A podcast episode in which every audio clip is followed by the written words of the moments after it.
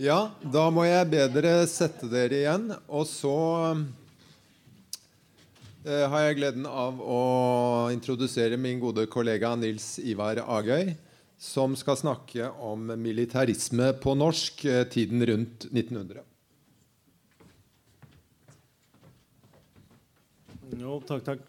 Ja, vi får jo stor tematisk variasjon i dette seminaret. Nå skal vi forflytte oss altså til uh, I denne økta da, som Erik Bersirve skal ha, skal vi forflytte oss til, til, Norge. Og jeg tror vi skal beskrive to nokså diametralt motsatte tendenser i det norske samfunnet. Men vi skal altså starte med, altså på 1800-tallet og med kampen om kontroll med militærmakta. Og den er det ikke så veldig mange som interesserte seg for, må jeg nok si. Men det sto strid faktisk om kontrollen over det norske militærvesenet i perioden fram mot oppløsningen av unionen med Sverige i 1905. Og spesielt i den breie venstrebevegelsen så gjorde seg gjeldende ulike oppfatninger om at militæret ikke sto under tilstrekkelig betryggende politisk kontroll. Og hvorfor det? Jo, det var flere ting som man fryktet da. I utenrikspolitikken så var det mange som var redd for at Norges militære styrker kunne bli brukt til å fremme såkalt storsvenske planer. Om så bare indirekte ved at uh, de norske styrkene utgjorde liksom tropper som kunne lokke svenske politikere til å føre en mer risikabel, en mer vågal storpolitikk enn nordmennene egentlig ønsket. Særlig da ved å utfordre Sveriges arvefiende Russland.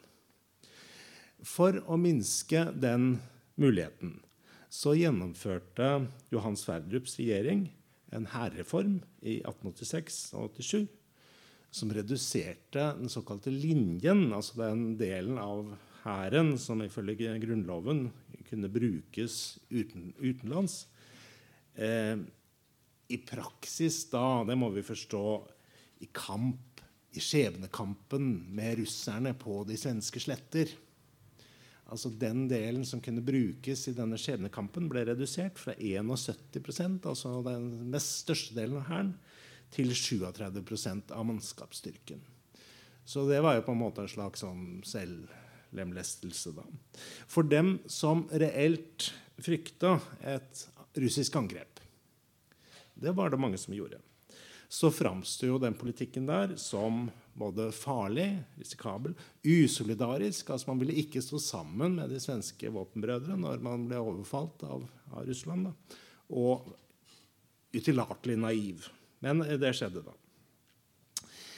I unionspolitikken um, så ble det sett som et nokså betydelig problem at det var kongen som var øverstkommanderende så notær og flåteledelse var ansvarlig overfor ham, og ikke overfor regjeringen.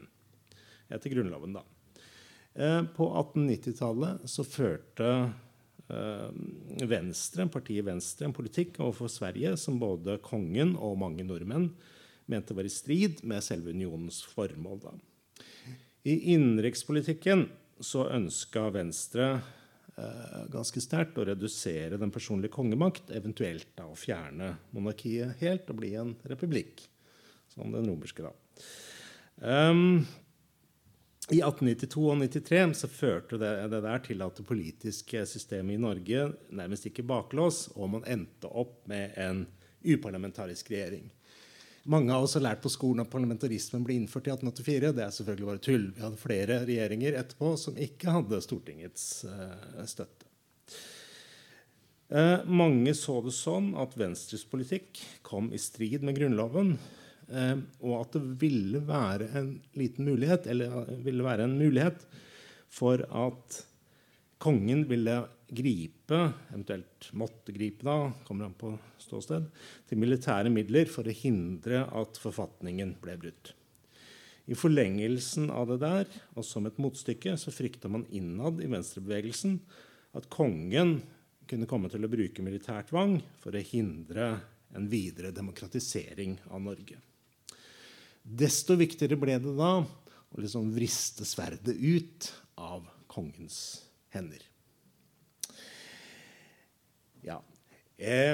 ja, overskriften her altså det er veldig, For mange er det nokså fremmed å tenke på militarisme i liksom, det lille, fred, fredelige Norge. Da. Vi får se. Um, I siste fase av unionstida, da det var klart at mange i Norge ikke lenger ønsket å uh, reforhandle unionen med Sverige, men rett og slett kvitte seg med den, så oppsto det en situasjon hvor noen grupper, som vi kan kalle ultranasjonalistiske, mente at militæret, eller deler av militæret, kunne og burde handle uavhengig av formelle lover og regler. Og det der det passer faktisk inn i det her ja, Jeg fant et par sånn definisjon, lett tilgjengelige definisjoner av militarisme. Eh, altså det, det, dette ultranasjonalistiske standpunktet passer faktisk inn i sånne formelle definisjoner av militarisme. Men hvilket klima fantes det egentlig for militarisme i Norge? Eh, altså det er et begrep som virker fremmed for, for mange av oss. Um, helt fra partivesenet kom og etablerte seg i vårt land på 1880-tallet, så fantes det militære offiserer som sympatiserte med venstrebevegelsen. Imidlertid var det veldig få av dem, og antallet økte bare veldig sakte. Eh, det er nok mulig å se en militaristisk tendens i den lange og seige kampen som ble ført av partiet Venstre for å få sine egne folk inn i militærtjeneste.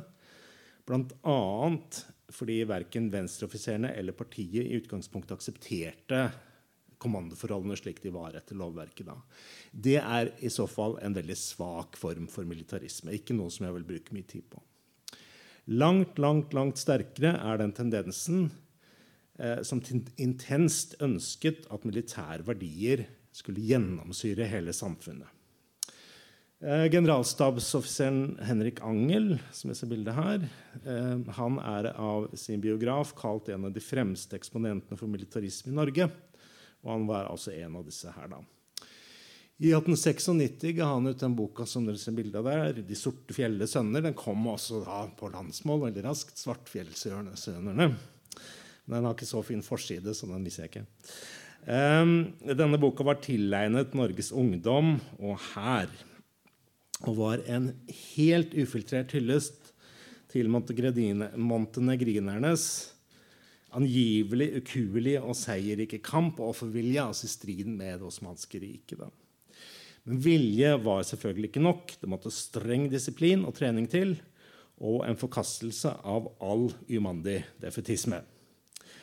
Tanken om at erfaringene fra det lille og hardføre og kampherdede fjellfolket, som var omgitt av sterkere naboer, skulle kunne overføres til mer hjemlige forhold, var for å si det mildt, nokså nærliggende. Altså Overføringsverdien var nokså tydelig. Boka ble med den unionsvennlige hærsjefens tillatelse delt ut til rekruttene i 1899. Så alle rekrutter fikk den der, da. En enda tydeligere militarist var Sofus Christensen. Eh, I likhet med sin offiserskollega Angel så mente han at krig var av rensende og vekkende betydning. Eh, og han sa det som dere kan lese nå, hvor meget piatt skulle ikke Norge vært befriet for om denne slekt hadde gjennomgått en krigsilddåp? skrev han i 1898. da før han påpekte da hvordan freden, hvis freden fikk herje uhemma, ville redusere verden til en mudderpøl. Nasjonens håp det var å gjøre alt for å holde armeen oppe. Holde den høyt og i ære, og ikke tåpeligen svekke dette landets håp og trøst i de onde dager. Dette dets eneste nødanker i farens stund. Eh, I datidens politiske språk var det, som mange sikkert vil kjenne til, i denne forsamling, eh, vanligvis Stortinget som ble kalt nasjonens nødanker. Her er det altså ikke Stortinget, her er det armeen. Det eneste nødanker i farens stund. Et standpunkt som ligger tett opp til det sist siterte av Christensen, var det artilleristen Georg Stang som sto for, nemlig at hæren var selve levendegjørelsen av fedrelandet. Eh, som mange vil vite Så den statuen oppe i Holmenkollen. Eh, så ble Stang forsvarsminister i 1900 og satt til 1903. Og han var en av de fremste forkjemperne for unionsoppløsning, og da helst en som var døpt i blod, sånn en skulle telle. da. Han, ble han er blitt oppfattet i samtid og ettertid som en som positivt ønska krig med Sverige. Ok, Det var litt som bakgrunn. Hva skjedde i praksis? Jeg sa at det var kamp eh, om kontroll med Forsvaret. Partiet Venstre ønska på 1890-tallet å frata kongen direkte kontroll over militæret ved å endre Grunnloven, men hadde ikke to tredjedels flertall i Stortinget. Under meget sterkt politisk press så ble kongen likevel i 1893 tvunget til å akseptere at såkalte militære kommandosaker Dette er veldig teknisk, jeg skal ikke ta detaljene. Da skulle vi hatt en time til. Militære kommandosaker i fredstid skulle legges fram av en statsråd. Um, så kongelige militære tiltak i det skjulte ble i hvert fall vanskeliggjort. Det ble kanskje ikke umuliggjort, men det ble gjort vanskeligere. Uh, seks år senere så pressa stortingsflertallet gjennom at de nest høyeste militære kommandomyndighetene, altså under kongen, da, kommanderende general og admiral, de skulle integreres i Forsvarsdepartementet også denne gangen skjedde det der mot massiv kongelig og juridisk og fagmilitær motstand. Altså, det er ingen offiserer som ønsket det, og de fleste jurister mente at dette var egentlig helt på kanten av det grunnloven til, eller, eller overkanten da, av det grunnloven tillot. Endringen førte til en sterkere politisk kontroll og irriterte mange offiserer grenseløst. Men den gjorde ikke egentlig slutt på kongens kommandomyndighet, som formålet nok hadde vært. da. Hele perioden 1890 til 1905 så arbeida ellers Venstre målretta for å få utnevnt partifeller til så høye militære embeter som mulig, som jeg har sett, og altså som genererte liksom en lang serie av konflikter. Da. En annen kamparena var langt mer håndgripelig. Statsråd Stang prioriterte personlig veldig høyt byggingen av de såkalte grensefestningene Eh, når dette er relevant i et innlegg om militarisme og kontroll over Forsvaret, så er det pga. at denne utbyggingen eh, av Stang selv og av en betydelig del av opinionen ble oppfatta som retta mot unionspartneren Sverige, og dermed også mot unionens krumtapp, nemlig kongen, altså den militære øverstkommanderende. Eh, byggingen av grensefestningene ble i all hast trumfet gjennom på måter som må betraktes vil jeg nok mene, som udemokratiske og usaklige. Og spesielt innretta på å hindre at det kom fram noen form for motforestillinger. Altså Dette her er ganske ekle ting, hvis man virkelig ser på det. altså det, tro meg. Um, et av formålene var åpenbart å nøre opp under en form for nasjonalisme hvor Forsvaret, eller i hvert fall deler av Forsvaret, ble forventet eventuelt å handle i strid med ordre fra hær og flåteledelse. Som propagandaprosjekt har dette vært veldig vellykket. I generasjoner etterpå, jeg tror fram til i dag, så er det mange som helt feilaktig har trodd at disse grensefestningene og de troppene som da skulle bemanne dem, på en eller annen måte stå under Stortingets eller forsvarsministerens kommando, og ikke kongens. Bare til, men at dette er lest i framstillinger av folk som burde vite veldig mye bedre. Ok, Våren 1905, i unionstidens siste fase, så erklærte Stang at man måtte være beredt på holder fast, å ta alle skritt, forfatningsmessig eller ikke Dette er altså regjeringsmedlem som sier forfatningsmessig eller ikke. Det blir nødvendige for å føre saken frem. Eh, Seinere på året så viste det seg klart at Stang ikke sto alene om å ønske krig. Eh, altså en krig så skilsmissen med Sverige kunne være tilstrekkelig ærerik og oppdragende. En meget klar militarisme kom til syne blant de mest aksjonistiske venstretilhengerne. En av dem var en kollega, Jakob Stenersen Worm Müller, altså som senere ble en nokså framtredende venstrepolitiker og, og historiker. Da. Han var i 1905 nestkommanderende for en mitraljøseavdeling. Og han skrev da til Stang, var det vel, om forhandlingene i Karlstad. Og jeg skal ta hele sitatet da. Man vil hindre oss fra å forsvare vår ære og vår rett, skrev han. Og så fortsatte han. Det som dere ser her da. Kan Herre flåte finne seg i at storting og regjering går hen og forråder nasjonen? Stemningen i de ledende kretser går etter hva jeg erfarer, ut på å forhandle og finne seg i noe av hvert. Det må protesteres, og i tilfelle handles. La oss få revolusjon. Det er en statsråd.